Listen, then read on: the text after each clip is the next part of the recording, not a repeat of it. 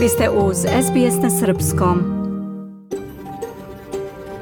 SBS, a world of difference. You're with SBS Serbian on mobile, online and on radio.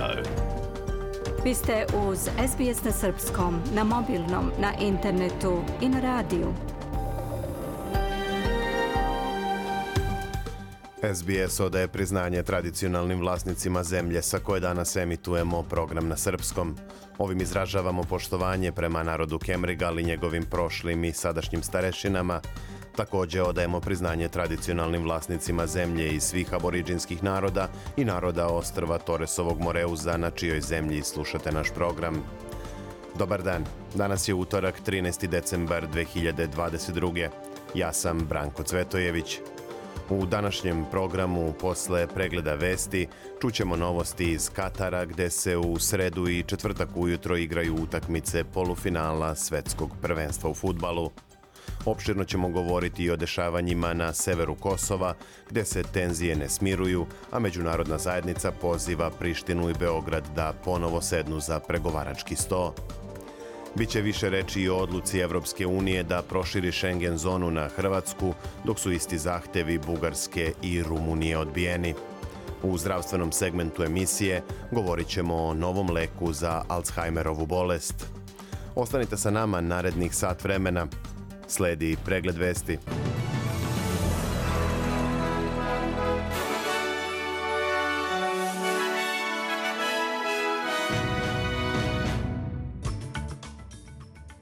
Dvoje pripadnika policije poginulo u pucnjavi u Queenslandu.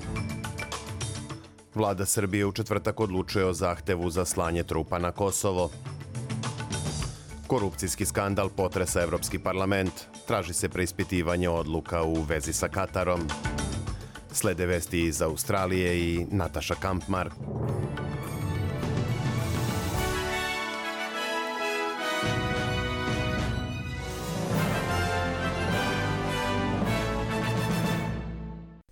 Šest osoba, među kojima i dvoje pripadnika policije, smrtno je nastradalo u pucnjavi do koje je došlo na jednom udaljenom imanju u oblasti Darling Downs u Queenslandu.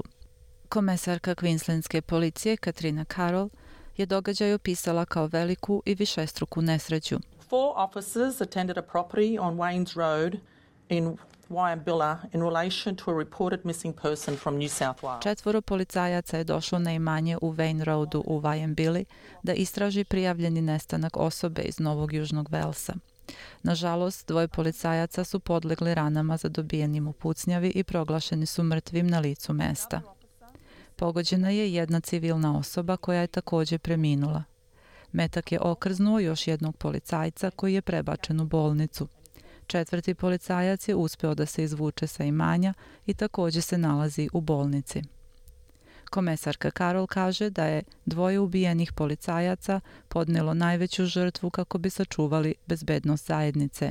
It is, sadly, a reminder of the unpredictable nature of policing. Ovo je tužno podsjećanje na nepredvidivu prirodu policijskog poziva i neverovatne opasnosti sa kojima se suočavaju naši policajci da bi zaštitili zajednicu.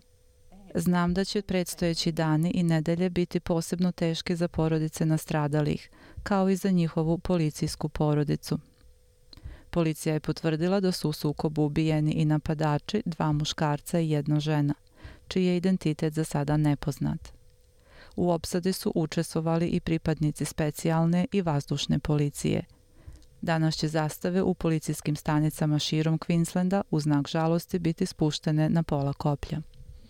Policija je u Novom Južnom Velsu tokom operacije u Sidneju zaplenila više od 250.000 dolara u gotovini i čitav niz ilegalnih narkotika. Policija je zaplenila kokain, kanabis, ekstazi, ketamin, heroin i LSD, dok je tokom istrage optuženo skoro 200 ljudi. Ulična vrednost zaplenjene droge procenjuje se na više od 280.000 dolara. Radna grupa u kojoj se nalaze ministarka za autohtone Australijance Linda Berni i državni tužilac Mark Dreyfus donela je odluku da konsultativno telo autohtonih naroda pri parlamentu, to jest glas pri parlamentu, neće imati pravo veta na odluke koje donese savezna vlada ili kabinet ministara. Grupa ustavnih stručnjaka predočila je svoje savete radnoj grupi na posljednjem sastanku održanom u ponedeljak. Stručnjaci su rekli da je ovaj amandman na ustav dobar i da daje čvrstu osnovu za dalje konsultacije. Održavanje referenduma o glasu autohtonih naroda pri parlamentu očekuje se u drugoj polovini 2023. godine. Od sljedeće godine prepolovit će se broj subvencionisanih poseta psihologu na koje australijanci imaju pravo.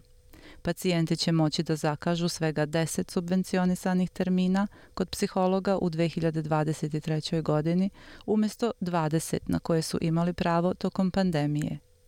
Ministar zdravlja Mark Butler najavio je ove promene nakon revizije vladinog programa za pristupačnije mentalno zdravlje, koja je urađena prvi put nakon više od 10 godina. Ministar Butler je rekao da su se zbog dodatnih termina koje su pacijenti mogli da refundiraju putem Medikera stvorile duge liste čekanja i povećale prepreke ljudima kojima trebaju psihološke usluge. The evaluation found that all of the additional services went to existing patients Evaluacija je pokazala da su postojeće usluge otišle postojećim pacijentima, a da je broj novih pacijenata koji su tokom tog perioda ušli u sistem da bi koristili psihološke usluge opao za 7%. Također je ustanovljeno da je veći broj usluga otišao Australijancima sa najvišim prihodima, dok su oni sa najnižim prihodima zapravo primali manji broj usluga tokom ovog perioda pre uvođenja dodatnih 10 termina. Ministar je dodao da se osobe sa niskim primanjima više oslanjaju na ove usluge od onih sa visokim primanjima, ali im najmanje pristupaju u okviru programa. Međutim, najznačajnije interesne grupe i udruženja osudila su odluke da se broj subvencionisanih termina prepolovi, naročito u vreme kada se ljudi u Australiji suočavaju sa pandemijom, elementarnim nepogodama i sve narušenijim mentalnim zdravljem. Slušate SBS na srpskom pregled vesti. Prelazimo na informacije iz Srbije i sveta. Tenzije na severu Kosova i dalje rastu, ali je situacija za sada mirna. Barikade koje su postavili kosovski Srbi i dalje blokiraju puteve, a na ulicama Severne Kosovske Mitrovice vidljivo je prisustvo naoružane kosovske policije. Predsjednik Srbije Aleksandar Vučić najavio je da će vlada Srbije u četvrtak doneti odluku o slanju zahteva KFOR-u da se obezbedi prisustvo srpskih snaga na severu Kosova. Kako stoje stvari, vlada će u četvrtak doneti odluku o upućivanju pisma komandantu KFOR-a, rekao je Vučić, a prenosi RTS.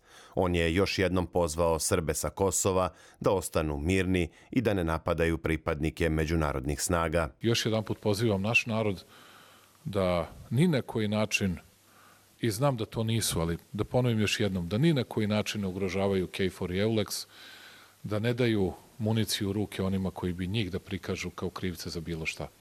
Predsjednik Srbije još jednom istakao da Priština ne poštuje sklopljene sporazume i naglasio je da će u razgovorima sa međunarodnim predstavnicima zatražiti da se poštuje makar jedan od dogovora. Imam još jedno ključno pitanje za sve njih. Kažite mi, molim vas, izneću pred njih pet važnih dokumenata. Kažite mi koji ljudi vi dokument hoćete da mi poštujemo. Kažite nam samo jedan, ma zaboravite na sva četiri. Kažite nam jedan koji hoćete da poštujete, evo mi ćemo taj jedan da poštujemo. I vi izaberite, evo švedski sto izaberite. Hoćete li Kumanovski sporazum? Hoćete li povelju Ujedinjenih nacija? Hoćete li rezoluciju 1244? Hoćete li Briselski sporazum? Hoćete li Vašingtonski sporazum? Kažite nam šta hoćete da poštujete, nemojte da nam govorite da ni jedan od pet sporazuma nećete da poštujete.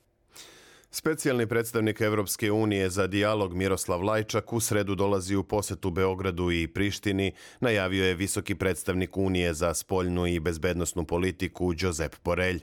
On je pozvao Beograd i Prištinu da se što pre vrate za pregovarački sto i da deeskaliraju napetu situaciju.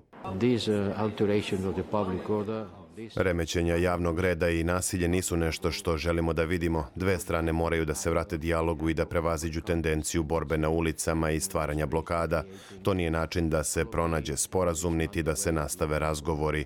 To nije put do procesa normalizacije, istakao je Borelj. On je ocenio da najnoviji incidenti potvrđuju zabrinjavajuću spiralu događaja sa negativnim posledicama za Kosovo, Srbiju i ceo region. Šef evropske diplomatije je naglasio da obe strane moraju da se vrate dijalogu uz posredstvo Evropske unije, koja je mandat za to dobila od strane Ujedinjenih nacija. Borelj je podsjetio da je na stolu novi predlog za normalizaciju odnosa koji je dostavljen obojici lidera i dopunjen prošle nedelje. Kako je naglasio, plan je dobio snažnu podršku ministara svih 27 zemalja članica Unije. To je sporazum koji treba da stavi sa strane sve aktuelne tenzije i reši sporna pitanja, uključujući i zajednicu srpskih opština. Te razgovore treba početi pod hitno, kazao je Borelj. Predsjednik Srpske liste Goran Rakić saopštio je u ime kriznog štaba da je prethodna noć na Kosovu protekla mirno. Kako je naveo u izjavi za RTS, mirno je pre svega zahvaljujući hrabrom narodu koji je istrajan da opstane na tim prostorima i da sačuva svoje domove i mir. Dakle, mi želimo samo jedno, želimo mir, ne želimo ništa tuđe, želimo samo da sačuvamo svoje i svoje porodice. Ovo nisu akcije, akcije srpskog naroda, dakle ovo su reakcije na jednostrane poteze Prištine.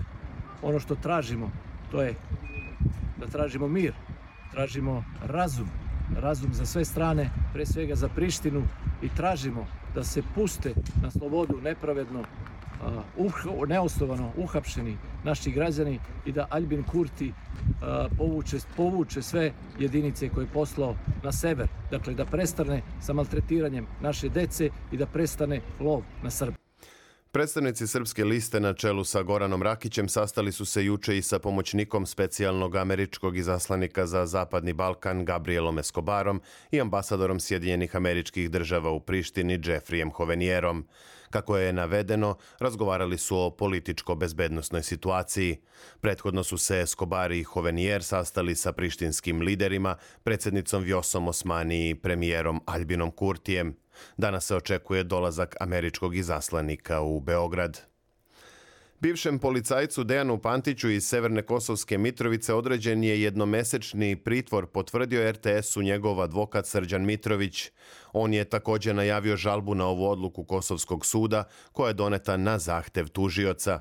Određivanje pritvora Pantiću kritikovao je i direktor Kancelarije za Kosovo i Metohiju u vladi Srbije Petar Petković.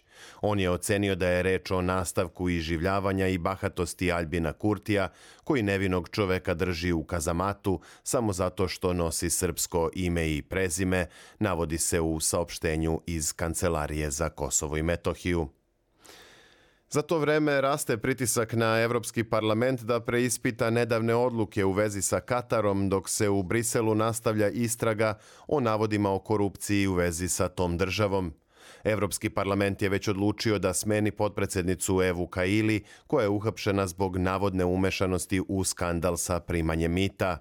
Također su odložena glasanja o predlogu za produžetak bezviznog režima putovanja u Evropsku uniju za državljane Kuvajta, Katara, Omana i Ekvadora. Međutim, šefica delegacije za odnose sa arapskim poluostrvom Hana Neumann kaže da mora da se uradi više od toga. Smatram da nam je potrebna neka vrsta odbora u Europskom parlamentu koji će se osvrnuti na odluke koje su donete u vezi sa ovim navodnim korupcijskim skandalom. Treba ponovo proceniti ko je zauzeo koje stavove i zašto, a možda ćemo morati da preispitamo neke od donetih odluka, rekla je Neumann.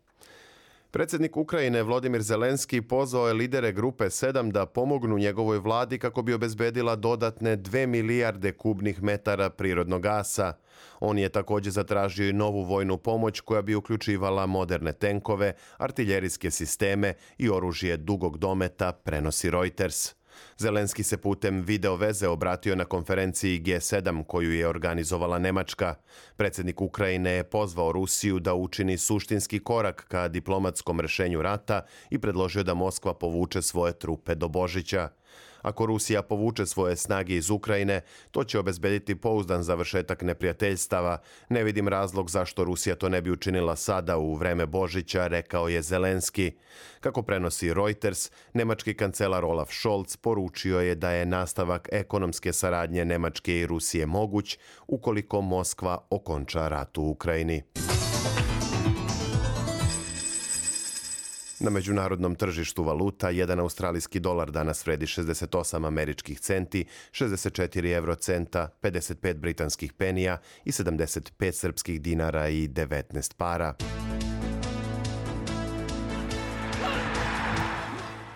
Od sportskih vesti danas izdvajamo. Najbolji srpski teniser Novak Đoković počeo je pripreme za iduću sezonu koja startuje za manje od tri nedelje u Australiji. Đoković je odradio prve treninge u španskom Teremolinosu, a iduće sedmice odputovaće u Dubaji, gde ga od 19. do 24. decembra čeka učešće na egzibicionom turniru Svetske teniske lige. Kako je prethodno najavio, Novak bi trebalo da otputuje i u Katar na finalnu utakmicu svetskog prvenstva u futbalu. Prvi turnir u 2023. na kojem će Đoković igrati je Adelaide International, koji se održava od 1. do 8. januara. Biće to poslednja provera pred Australian Open, koji 16. januara počinje u Melbourneu a za to vreme nastavljena je potpuna dominacija srpskih klubova u regionalnoj košarkaškoj ABA ligi. Ekipa FMP Železnika ubedljivo je savladala Zagrebačku Cibonu 111-75 u poslednjem meču desetog kola ovog takmičenja. FMP se ovom pobedom pridružio na vrhu tabele ekipama Partizana i Crvene zvezde, koje takođe imaju po osam pobeda u Jadranskoj ligi ove sezone. Evo i kakve nas vremenske prilike očekuju sutra. U Sidneju još jedan sunčan dan i najviše 25 stepeni, u Melbourneu oblačno uz postepeno slabljenje kiše, najviša dnevna do 15. Za Kamberu se predviđa povremena oblačnost i 17 stepeni, a u Adelaidu oblačan dan i maksimalnih 20. U sredu u Pertu sunčano i toplo, 32, a u Brisbaneu uglavnom vedro i 31 stepen. Za Hobarce sutra najavljuju pljuskovi i svega 14 stepeni, dok će u Darwinu biti uobičajenih 35 uz mogućnost prolaznih pljuskova sa grmljavinom. U Srbiji danas mestimično oblačno uz temperature od minus 2 do plus 3 stepena. Bilo je to sve u pregledu vesti SBS radija na srpskom jeziku za 13. decembar 2022. Za više informacija posetite sbs.com.au kosacrta news.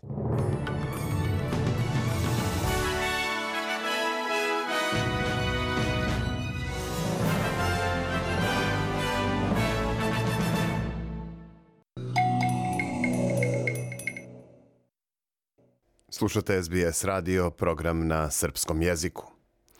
Na svetskom prvenstvu u Kataru preostalo je da se odigraju još samo četiri utakmice. Prva je na programu u sredu rano ujutro po australijskom vremenu, a sastaće se dvostruki prvak sveta Argentina i aktuelni vicešampion Hrvatska. U drugom polufinalu, u četvrtak, igraće Maroko i Francuska. Podsećamo da ove utakmice kao i sve prethodne možete da pratite uživo jedino na programima SBS televizije i SBS radija. A kakva su očekivanja aktera pred polufinalne duele i kakvo raspoloženje vlada u Kataru u oči kulminacije šampionata, čućemo u našem redovnom mundijalskom pregledu. Preuzmite SBS On Demand aplikaciju i gledajte FIFA svetski kup u futbolu bilo gde i bilo kad na svom omiljenom uređaju. Gledajte svaki meč uživo i besplatno na SBS On Demand.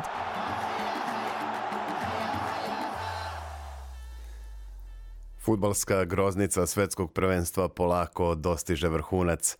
Još samo četiri utakmice dele nas od krunisanja novog ili možda starog šampiona, pošto je selekcija Francuske i dalje u konkurenciji da odbrani naslov osvojen u Rusiji 2018. Ali pre nego što Francuzi pokušaju da postanu prva selekcija na ovogodišnjem mundijalu koja je uspela da savlada Maroko, o prvom finalisti prvenstva sveta odlučivaće Hrvatska i Argentina – Pred sutrašnji duel na stadionu Lusail u Dohi vlada raspoloženje kao da se utakmica igra u Buenos Airesu ili nekom drugom gradu Južne Amerike. Izveštači lica mesta javljaju da svakodnevno pristiže na hiljade argentinskih navijača koji su i do sada bili najbrojniji u Kataru. Prema nekim procenama, na tribinama Lusaila biće preko 40.000 Argentinaca, što će predstavljati dodatni vetar u leđa za izabranike selektora Lionela Scalonija. Cela Argentina najveće nade polaže naravno u prvu futbalsku zvezdu današnjice Lea Mesija – Čuveni futbalski as će pokušati da u poznim igračkim godinama, jer već mu je 35, osvoji jedini trofej koji mu nedostaje u bogatoj karijeri, a to je upravo titula prvaka sveta. Mesijev saigrač Nikola Staljafiko je na zvaničnoj konferenciji za medije u oči meča govorio u superlativu o svom kapitenu – Messi je naš lider, on nas gura napred i motiviše nas. Naša najveća prednost na terenu je to što znamo da imamo Mesija da nas vodi, istakao je argentinski bek. Taljafiko je kao i selektor Scaloni izneo niz komplimenata i na račun hrvatske reprezentacije. Ne zaboravljaju Argentinci kako su se proveli u posljednjem međusobnom duelu pre četiri godine u Rusiji, kada je Hrvatska slavila sa čak 3 prema 0 u grupnoj fazi prvenstva. Drugi gol na tom meču postigao je Luka Modrić koji danas predstavlja pokretačku snagu hrvatske reprezentacije. Svesni su toga i u redovima Argentine, pa su prema Modriću iskazali naročito poštovanje pred ovu utakmicu. Također, kako su istakli Scaloni i Taljafiko, rival ima i druge sjajne igrače, jer nije mala stvar kada dva put zaredom neka reprezentacija dođe do polufinala, kao što je to učinila Hrvatska. S druge strane, selektor Hrvatske Zlatko Dalić ima priliku da se upiše u odabrano društvo futbalskih stručnjaka koji su uspeli da dovedu svoje timove do dva uzastopna finala mundijala. Prema receptu iz prethodnih mečeva, Dalić i uoči duela sa Argentinom pokušava da smanji euforiju u svom timu. On je u posljednjem obraćanju medijima pred utakmicu izjavio da nije mogao ni da zamisli da će dogurati prvo do finala, a sada do polufinala svetskog kupa. Mislio sam da je to mesto rezervisano za neke veće face. Šta god da se desi, ponosan sam na posao koji sam uradio sa Hrvatskom, jer ovo niko nije očekivao, kazao je Dalić i naglasio da ni u snovima nije išao ovako visoko. Utakmica Hrvatska-Argentina počinje u sredu u 6 sati ujutro po standardnom vremenu istočne australijske obale. Direktan prenos jedino na programima SBS radija i televizije.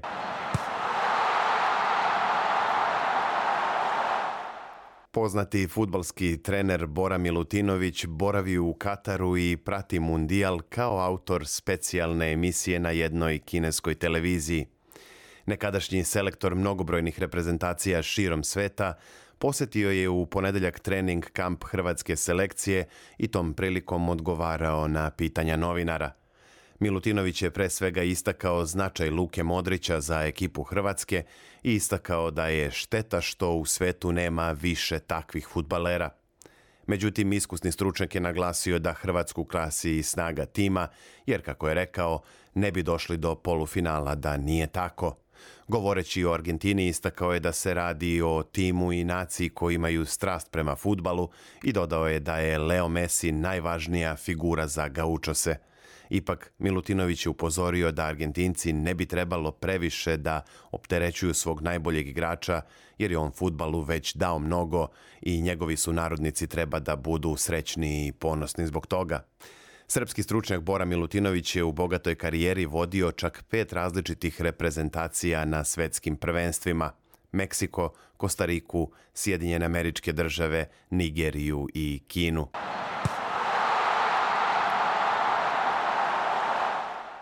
Španski sudija Mateo Laoz završio je svoje učešće na svetskom prvenstvu. Iskusni arbitar se ne nalazi u krugu kandidata za preostala četiri meča, a razlog za to je po svemu sudeći njegovo neubedljivo izdanje na utakmici Argentina-Holandija. Na suđenje Laoza žalili su se i Argentinci i Holandjani, a Leo Messi je čak izjavio da sudija nije dorastao utakmicama četvrtfinala svetskog prvenstva. Španac Laoz je na toj utakmici pokazao čak 14 žutih kartona, dosudio 48 prekršaja i produžio drugo poluvreme za čitavih 12 minuta. U 11. minutu nadoknade Holandija izjednačila na 2-2 i izborila pravo na produžetke. Ipak, Argentina je boljim izvođenjem penala prošla u polufinale – a Futbalski savezi Argentine i Holandije našli su se pod istragom disciplinske komisije FIFA zbog incidenata na terenu i ponašanja igrača oba tima tokom međusobnog meča. Odluka o eventualnim kaznama neće biti saopštena dok se ne odigra polufinale između Argentine i Hrvatske.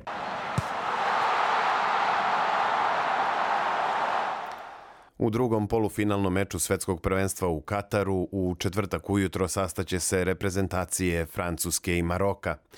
Uoči ovog duela francuski selektor Didier Deschamps suočava se sa nekoliko kadrovskih problema.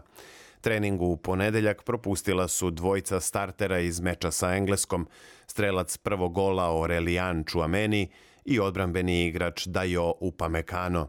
Iako iz francuskog štaba nisu obrazložili odsustvo dvojice važnih igrača, sportski dnevni list L'Equipe saznaje da je Čuameni dobio udarac u mišić protiv Engleske, dok je Upamecano prehlađen.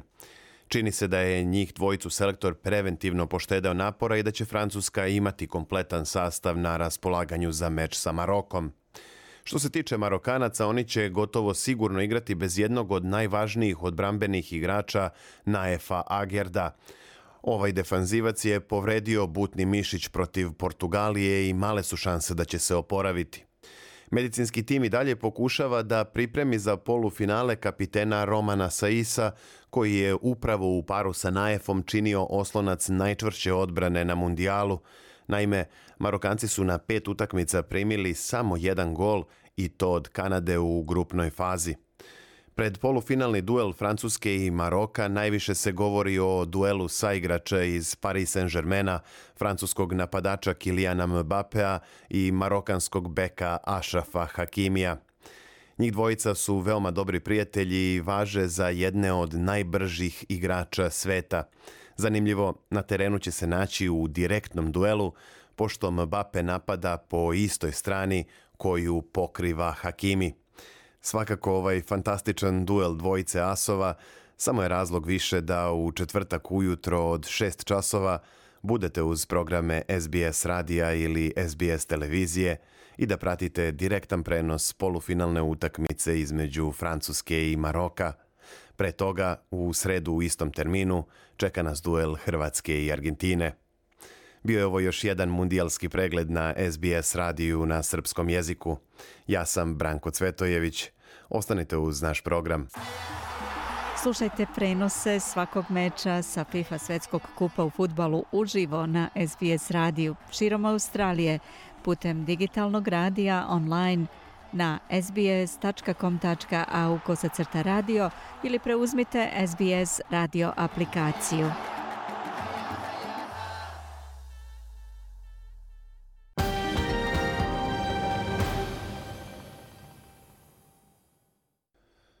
U nastavku programa govorit ćemo o aktuelnoj situaciji na severu Kosova.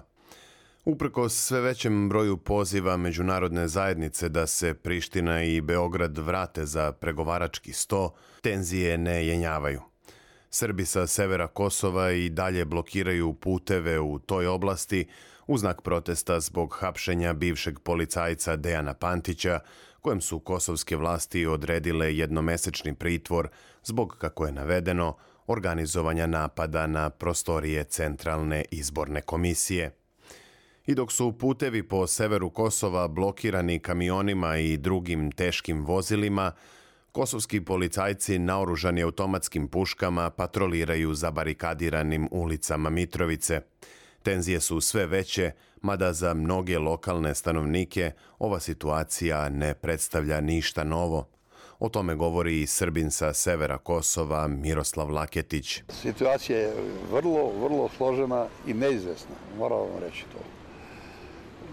Doduše, većina nas starijih, mi smo navikli na, ove, na ovakve situacije, jer ovo nije prvi put. Neizvesnost nama traje od 99. godine pa na ovamo. Za to vreme u Beogradu je prethodne noći održan protest grupe nacionalista koji su jasno poručili da za njih Kosovo nije i ne može biti nezavisno. Oko hiljadu demonstranata okupilo se na ulicama srpske prestonice, odakle su pružili podršku Srbima koji žive na Kosovu, izveštava Brook Young za SBS News. Ne prihvatamo nikakvu zajednicu srpskih opština. Tako je. Tako je. Ne prihvatamo nikakve sporazume. Kosovo je sastavni deo Srbije, tako je i tako će ostati. Nove tenzije na Kosovu izbile su prošlog meseca kada su kosovske vlasti pokušale da nametnu Srbima sa severa da promene registarske tablice svojih vozila sa srpskih na kosovske. Bila je to inicijalna kapisla za Srbe da se povuku iz svih centralnih i lokalnih institucija pod kontrolom Prištine. Posle masovnih ostavki srpskih funkcionera, raspisani su vanredni lokalni izbori u više opština koji su po izbijanju novih tenzija odloženi za april sledeće godine, kako je navedeno iz bezbednostnih razloga. Visoki predstavnik Evropske unije za spoljnu politiku i bezbednost Josep Borelj poziva obe strane na deeskalaciju situacije. This uh, alteration of the public order, this Remećenja javnog reda i nasilje nisu nešto što želimo da vidimo. Dve strane moraju da se vrate dijalogu i da prevaziđu tendenciju borbe na ulicama i stvaranja blokada. To nije način da se pronađe sporazum niti da se nastave razgovori. To nije put do procesa normalizacije u koji su uključeni, istakao je Josep Borelj. Misija Evropske unije za uspostavljanje vladavine prava poznata kao EULEX sastoji se od poljskih, italijanskih i litvanskih policajaca koji su raspoređeni na severu Kosova kako bi pomogli u uspostavljanju reda. Eulex je izvestio da je na jednu od njegovih izviđačkih patrola tokom noći bačena šok bomba, ali da nije bilo povređenih niti pričinjene štete. Borelj je istakao da Evropska unija neće tolerisati bilo kakve napade na oficire civilne misije bloka. Since August, od avgusta se nalazimo u začaranom krugu konfrontacije, provokacija i reakcija koje su eskalirale poslednjih dana, izazivajući ozbiljne bezbednostne incidente, uključujući i napad na našu misiju EULEX, takođe i na kosovsku policiju, barikade i blokade puteva kao i naoružani ljudi koji lutaju ulicama, To nije nešto što smo spremni da prihvatimo. To nije prihvatljivo ako dolazi od partnera, od ljudi koji teže evropskoj budućnosti, naglasio je Borelj. Predsednik Srbije Aleksandar Vučić u više navrata pozvao je Srbe na Kosovu da ne nasedaju na provokacije i da se uzdrže od istih. On je međutim dodao da je srpska vojska spremna da zaštiti srpski narod na Kosovu, ali je naglasio da je mala verovatnoća da će NATO odobriti takav zahtev na koji Srbija prema rezoluciji 1244 Saveta bezbednosti ima pravo. Vučić je poručio onima koji čuvaju barikade da poštuju snage KFOR-a pod komandom NATO alijanse, kao i pripadnike EULEX-a. Mi ne želimo nikakav sukob. Nama je sve na svetu potrebno, ali nam to nije potrebno. I Hoću da to i ljudi u svetu razumeju, baš kao što znam da su Srbi razumeli. Specijalni zaslanik Sjedinjenih američkih država za Zapadni Balkan, Gabriel Escobar, sastao se sa kosovskim premijerom Albinom Kurtijem i predsednicom Vjosom Osmani. Kako piše Brook Young za SBS News, on je prištinske lidere tom prilikom pozvao da se vrate za pregovarački sto sa Beogradom. Escobar će danas doputovati u posetu Beogradu, gde bi trebalo da se sastane sa predsednikom Srbije Aleksandrom Vučićem i drugim zvaničnicima. SBS na srpskom. Podelimo priče na Facebook stranici.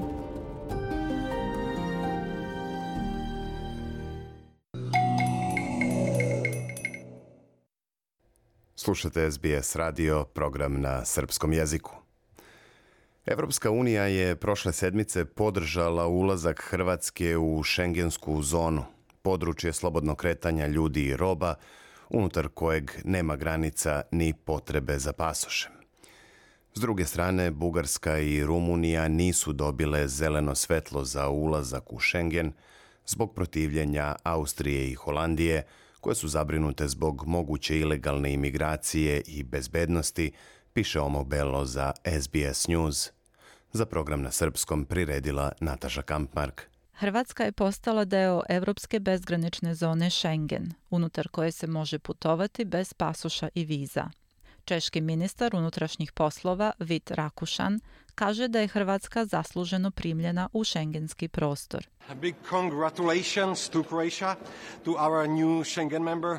Velike čestitke Hrvatskoj, našoj novoj članici Schengena. Od samog početka našeg predsjedavanja Savetom Evropske unije to je bio jedan od naših najvećih i najvažnijih prioriteta i drago nam je što posle dugo, dugo vremena možemo da govorimo o proširenju Schengena. Hrvatska je zaista ispunila sve uslove da bude u Schengenu, istakao je Rakušan. Takozvani šengenski prostor je najveće područje na svetu gde vlada bezvizni režim – i gde su uklonjene rampe na graničnim prelazima između 26 evropskih zemalja. Schengen se smatra jednim od najvećih uspeha evropske integracije. Međutim, upravo zbog neograničenog kretanja ljudi i robe unutar šengenskog prostora, zemlje članice su se u protekloj deceniji našle pod velikim pritiskom, jer ne mogu da kontrolišu kretanje migranata i da efikasno otkrivaju bezbednostne pretnje. Dok je Hrvatska dobila dozvolu za ulazak u Schengen, zahtevi Rumunije i Bugarske su odbijeni zbog protivljenja Austrije i Holandije. Austrija, zabrinuta zbog porasta ilegalne imigracije, bila je protiv prijema obe zemlje, navodeći da se već suočava sa 75.000 neregistrovanih ilegalnih migranata, dok se Holandija usprotivila prijemu Bugarske zbog neuspeha u borbi protiv korupcije i organizovanog kriminala, i takođe ilegalne imigracije. Ministar unutrašnjih poslova Austrije Gerhard Karner rekao je da neće glasati za rumunski i bugarski ulazak u Schengen. Yes, I will vote against the enlargement of the Schengen area to Romania and Bulgaria. Da, glasaću protiv proširenja Schengena koje bi obuhvatilo Rumuniju i Bugarsku. Mislim da bi to bila greška. Mislim da bi bilo pogrešno u ovom trenutku proširivati sistem koji već ne funkcioniše dobro u mnogim aspektima. Ove godine imali smo više od 100.000 ilegalnih ulazaka u Austriju. Od toga 75.000 nije propisno registrovano. To je pokazatelj da sistem u ovom trenutku ne funkcioniše. Ministar unutrašnjih poslova Bugarske Ivan Demerđijev negira da je njegova zemlja odgovorna za probleme sa migrantima. Bulgaria is not responsible for the internal problems of Austria. Bugarska nije odgovorna za unutrašnje probleme Austrije. Spremni smo da radimo na tome i konstruktivnim dijalogom pokušamo da pronađemo rešenje. Gospodin Demerđijev ostaje optimističan i kaže da je njegova zemlja do sada dosta postigla. The conclusion of the commission, the reports and the opinions of the Czech presidency Zaključak komisije, izveštaji i mišljenje češkog predsjedništva koji su izneseni pokazali su da su Bugarska i Rumunija ispunile sve tehničke uslove za prijem u Schengen. Problem je političke prirode. Dve zemlje su se usprotivile dok nas je 25 ostalih podržalo. Bezrezervno i dalekovido, smatrajući da je to ispravna odluka. Mi smatramo da je ispravna odluka da budemo deo Schengena. Ostaćemo pozitivni i radit ćemo na tome da postignemo kompromis tako da zadovoljimo dve zemlje koje nam nisu dale podršku, rekao je Demerđijev. I premijer Rumunije Nikolaj Čuka je razočaran rezultatima. Regretam We regret and frankly do not understand the inflexible position shown by Austria. Žao nam je i iskreno rečeno ne razumemo kruti stav Austrije. Prošle godine Rumunija je više nego ikada pokazala da je važan činilac u obezbeđenju evropske sigurnosti. On kaže da će njegova zemlja nastaviti da traži rešenje. România va continua să fie Romania will continue to be constructive and work for a genuinely European solution. Rumunija neće posustati u pokušaju da uđe u Schengen i radeće konstruktivno na iznalaženju istinskog evropskog rešenja. Ulazak u Schengen ostaje naš strateški cilj i nastavit ćemo da vodimo razgovore i pregovore kako bismo ostvarili taj cilj. Hrvatska je zajedno sa Bugarskom i Rumunijom članica Evropske unije, ali ni jedna od te tri zemlje nije odmah uključena u šengenski sporazum zbog sumnje da njihovi bezbednostni sistemi nisu na nivou sistema u ostatku Unije, što bi moglo ugroziti bezbednost drugih članova zajednice. Odluka o prijemu Hrvatske doneta je jednoglasno na sastanku ministara unutrašnjih poslova zemalja članica Evropske unije održanom u Briselu. Nakon te odluke, Evropska komesarka za unutrašnje poslove Ilva Johansson izjavila je da je u interesu Unije da deluje jedinstveno. I think it's very clear that when we are united in the European Union, we are so strong. Mislim da je vrlo jasno da kada smo jedinstveni u Evropskoj uniji, onda smo veoma jaki i možemo da postignemo veoma mnogo.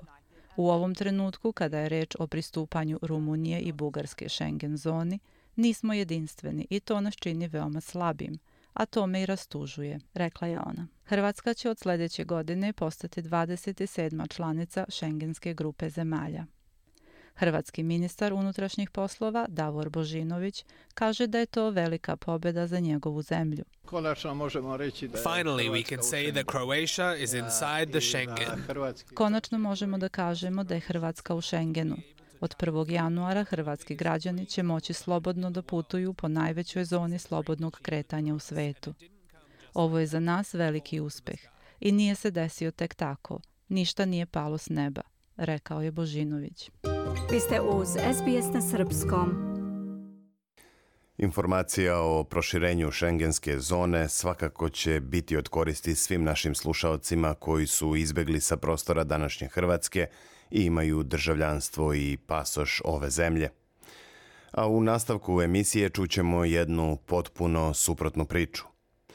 Srbija se potpisivanjem sporazuma o readmisiji sa Evropskom unijom još 2007. obavezala da pomogne svojim državljanima po povratku u zemlju kako bi se oni lakše uključili u sve sfere života. Međutim, iskustva velikog broja onih koji su se vratili nisu pozitivna. Na kakve teškoće u reintegraciji nailaze povratnici posle ilegalnog boravka na teritoriji Evropske unije i da li im država pruža bilo kakvu pomoć, čućemo od Mije Nikolić. Srbija nema precizne podatke koliko je njenih građana zbog e, ilegalnog boravka vraćeno u zemlju iz država Evropske unije. Procene broja mogućih povratnika kreću se od 50.000 koliko je bilo pobrojano sredinom 2000-ih u različitim zemljama Unije do nezvaničnih 100.000 koliko se pominje u strategiji reintegracije povratnika po osnovu sporazuma o readmisiji, a ovaj sporazum Srbija je sa Evropskom unijom potpisala u septembru 2007. i on predviđa dobrovoljni povratak ili pak deportaciju naših državljana koji ilegalno borave na teritoriji Unije. Zna se da je od tada samo avionom deportovano ili uz pristanak vraćeno više od 28.000 ljudi. U prošloj godini skoro 90% njih stiglo je iz Nemačke, najveći broj čine Romi. Sporazumom o readmisiji Srbija se obavezala da ovim ljudima po povratku pomogne da se reintegrišu i uključe u sve sfere života, a komesarijat za izbeglice navodi da godišnje izdvaja 170.000 evra za pomoć u kupovini seoskih kuća, adaptaciji objekata i ostalim vidovima podrške povratnicima. Iako nije poznat tačan broj povratnika, istraživanja pokazuju da se ovi ljudi suočavaju sa brojnim teškoćama u svakodnevnom životu i da su uskraćeni u elementarnim životnim potrebama. Istraživanje društveno-ekonomski položaj i reintegracija povratnika – po sporazumu o readmisiji u Srbiji 2021. pokazalo je da se 70% tih ljudi suočilo sa diskriminacijom u javnom prostoru i za koje stoje njima nepoznate osobe. U istraživanju objavljenom na Međunarodni dan tolerancije 16. novembar ukazano je da se povratnici svakodnevno suočavaju sa različitim oblicima diskriminacije, 58% ispitanika u anketi navelo je da su bili diskriminisani u zdravstvenoj ustanovi, 50% u Centru za socijalni rad, 26% je diskriminaciju doživelo u policiji, 11% u pravosudnim institucijama. Povratnici su se suočili sa diskriminacijom u trgovinama 36%, javnom prevozu 34%, banci 13%, dok je 19% njih bilo izloženo diskriminaciji od strane šefova preduzeća. Vođa globalnog programa Nemačke razvojne saradnje Migracije za razvoj, koji u Srbiji sprovodi organizacija GIZ, Marija Bogdanović naglašava da su takva istraživanja od velikog značaja jer bacaju svetlo na ugrožene kategorije društva i otvaraju prostor za poboljšanje njihovog položaja. Istraživanje je pokazalo i da je, za razliku od muškaraca koji su diskriminaciju iskusili uglavnom u javnoj sferi, za žene specifično to što diskriminacija ne prestaje ni u porodici, navela je Bogdanović i ukazala da postoje podaci o brojnim primerima izloženosti žena diskriminaciji u različitim kontekstima, u institucionalnom okruženju, zajednici, u porodici. Na osnovu izjava ispitanica čini se da diskriminacija tokom vremena ne opada, već da se povećava i da su nove generacije još izloženije različitim vidovima te vrste postupanja navodi autor istraživanja Slobodan Cvejić. Povratnice, pogotovo iz osetljivih grupa, imaju niži nivo obrazovanja nego povratnici, te se žene koje se vraćaju u svoju matičnu zemlju suočavaju sa većim poteškoćama od muškaraca pri pronalaženju posla, prilagođavanju porodičnom životu, socijalnoj integraciji. Istraživanje pokazuje da su pre odlaska u inostranstvo procenti nezaposlenih bili slični. 87% kod žena i 81% kod muškaraca. Isti tokom boravka tamo, 88%. Nakon povratka, muškarci su češće nalazili posao, pa je učešće nezaposlenih kod njih opalo na 70, a kod žena na 82%. Značajan deo ovog jaza pripisuje se položaju žena u domaćinstvu, njihovoj opterećenosti kućnim obavezama, čuvanjem dece i negom starijih. Njihov položaj dodatno otežavaju brojne diskriminacije u institucijama, na primjer prilikom ostvarivanja prava na socijalnu pomoć i deči dodatak. Tako su prilikom prijavljivanja za socijalnu pomoć u nadležnim institucijama neke od njih dobijale upozorenje da bi im u tom slučaju deca bila svrstana u ugroženu kategoriju i automatski oduzeta. Još jedan od problema povratnika po osnovu readmisije je to što trećina dece iz povratničkih porodica ne idu u školu. Prema podacima Giza, Deca uzrasta od 3 do 14 godina iz čak 31% povratničkih domaćinstava u Srbiji ne idu u vrtić, ne pohađaju obavezan preškolski program ili osnovnu školu. Kao najčešći pojavljuju se dva posebno zabrinjavajuća razloga. To je da dete mora da zarađuje za domaćinstvo, 23% odgovora, i da mu škola nije potrebna 14 procenata.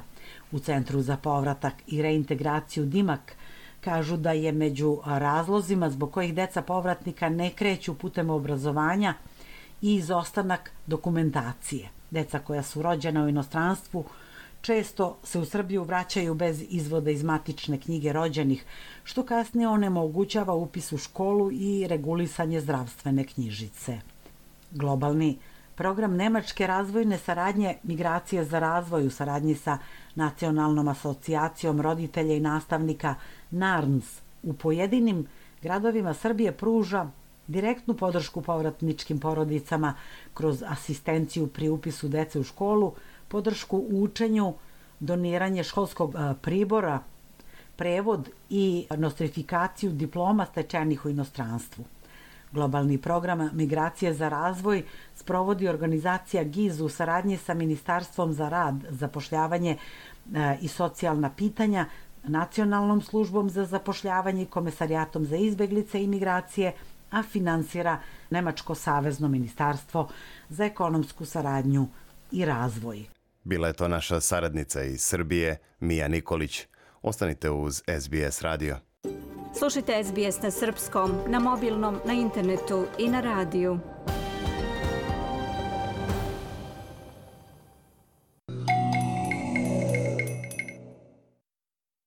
Slušate program na srpskom SBS radija.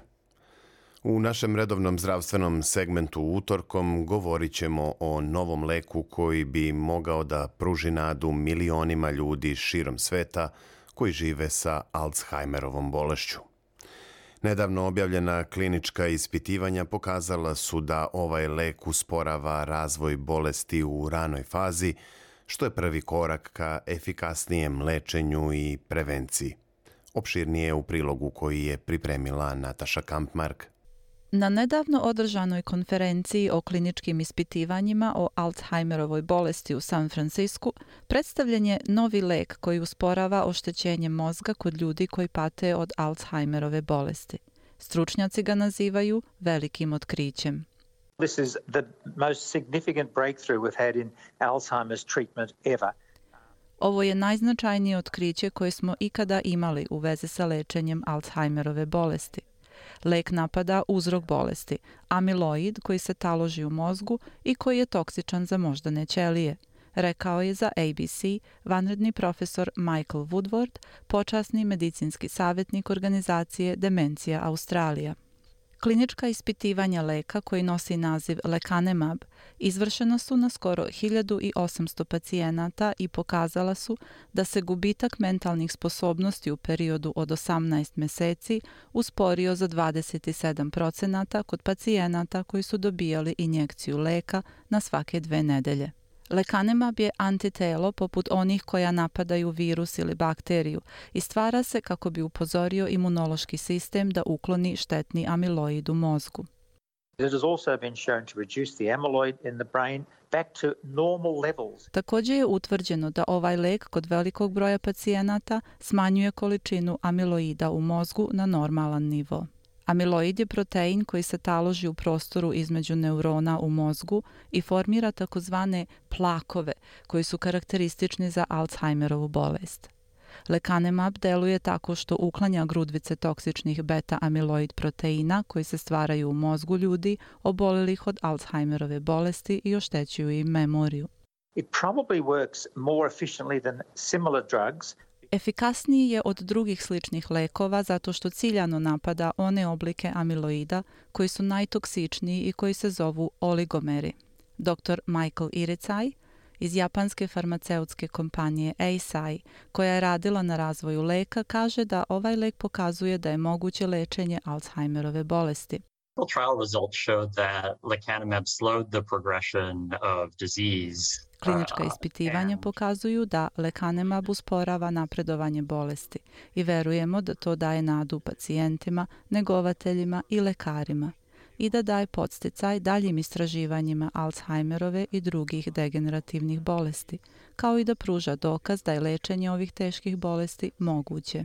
Od Alzheimerove bolesti pati više od 55 miliona ljudi u svetu, a prema podacima Demencije Australija, skoro pola miliona australijanaca pati od demencije, čiji je jedan oblik i Alzheimerova bolest. Jedna od njih je i Nell Ho, kojoj je bolest diagnostikovana u 52. godini života. Out of the books, I was forgetting what I was marking. Obučavala sam i ocenjivala medicinske sestre i počela sam da zaboravljam gradivo koje sam predavala iz knjiga i da zaboravljam šta ocenjujem. Bila sam sasvim sigurna da nešto nije u redu. Godinu i po dana, pošto su mi uspostavili dijagnozu, moj profesionalni život se završio. Stručnjaci se nadaju da će se ovaj lek u vidu injekcije davati u Australiji, ali je potrebno da ga odobri nadležno regulaciono telo. It'll first be submitted in America to the FDA and almost at the same time, I imagine, to the TGA in Australia. Prvo će se zahtev za odobrenje podneti Upravi za hranu i lekove u Americi, a mislim da će istovremeno biti podnet i Upravi za terapeutska sredstva ovdje u Australiji.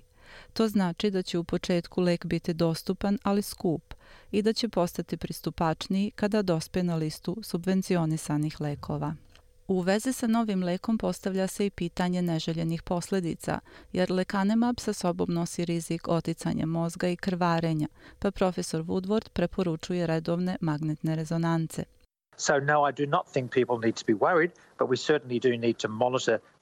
Mislim da ljudi nemaju razloga za zabrinutost, ali da treba da idu na redovne kontrole, zato što je pri upotrebi ovog leka potrebno raditi redovne magnetne rezonance mozga i preduzeti druge mere predostrožnosti. Lekanemab treba da se daje u početnim fazama dok nije došlo do velikog oštećenja mozga. Ali ovaj lek je pobudio nade ne samo pacijenata sa Alzheimerovom bolešću, nego i onih koji se o njima brinu, kojih u Australiji, prema podacima Demencije Australija, ima milion i šesto hiljada.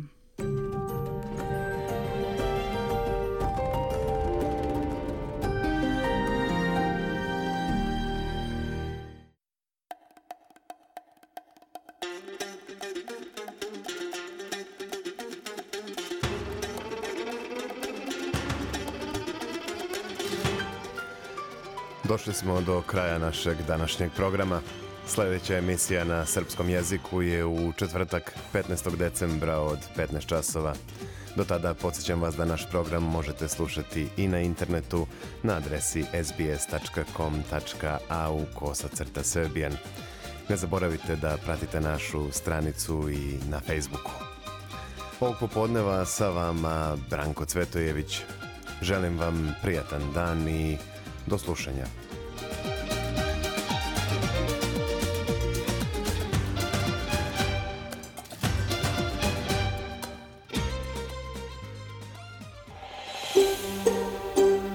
Želite da čujete još priča poput ove? Slušajte nas na Apple Podcast, Google Podcast, Spotify ili odakle god slušate podcast.